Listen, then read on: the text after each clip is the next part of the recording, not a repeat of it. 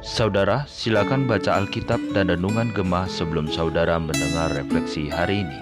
Shalom saudara, hari ini kita melanjutkan dari keluaran 9 saudara dengan topik perenungan kita supaya Tuhan dimuliakan. Saudara di dalam keluaran 9 ini mencatat tulah yang kelima, keenam, dan ketujuh.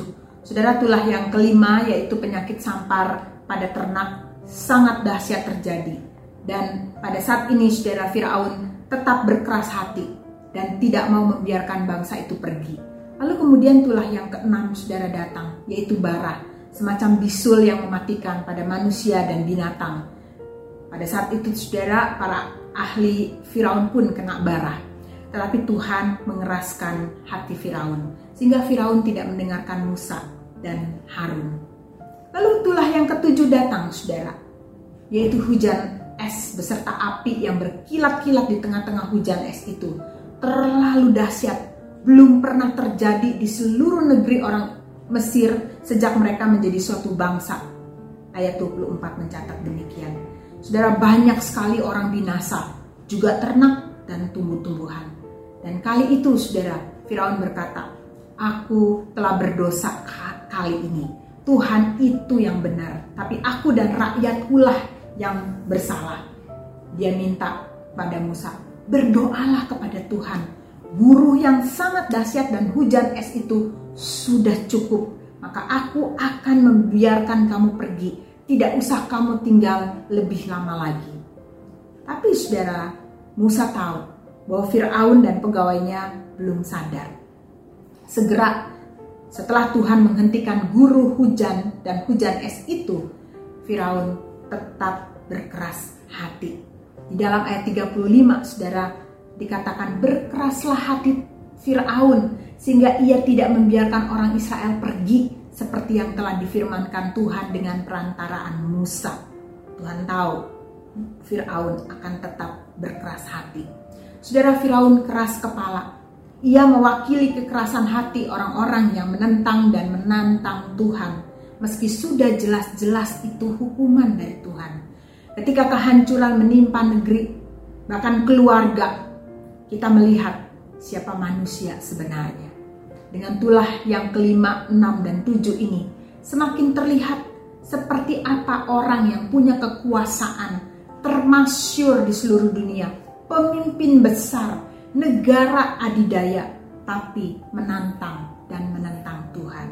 Orang itu akan menjadi sangat berbahaya dan menghancurkan negaranya sendiri, menghancurkan rakyatnya sendiri dan membawa malapetaka bagi keluarganya sendiri. Saudara, ketika kekuasaan manusia menantang dan menentang kekuasaan Tuhan, yang ada adalah kehancuran dan kebinasaan. Tidak ada gunanya lagi pemimpin seperti itu bagi siapa pun. Ya hanya membawa kebinasaan, kehancuran, tulah, kematian, Ketika kehancuran menimpa negeri, bahkan keluarga, kita melihat siapa manusia sebenarnya. Dan tentu saja kita juga melihat siapa Tuhan sebenarnya.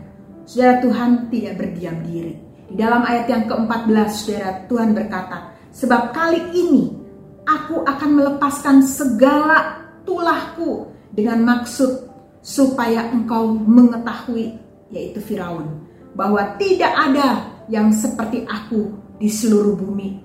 Ayat 16. Aku akan membiarkan engkau Firaun seba sebagian pegawai dan sebagian juga rakyat hidup supaya namaku dimasyurkan di seluruh bumi. Saudara Tuhan memamerkan kuasanya dengan cara yang luar biasa dan tidak biasa supaya Firaun sang raja sombong itu tahu supaya seluruh bumi termasuk orang Mesir orang Israel saat itu dan yang akan datang. Dan kita manusia hari ini tahu bahwa tidak ada yang seperti Tuhan di seluruh bumi dan bahkan di seluruh zaman. Saudara ngeri benar kalau Tuhan harus menggunakan cara-cara tulah dan keajaiban dahsyat seperti itu untuk memberitahukan kekuasaannya. Saya teringat saudara perkataan beberapa orang saat sakit dan putus asa. Ya Tuhan, nyatakanlah kuasamu. Jika engkau memang sanggup menyembuhkan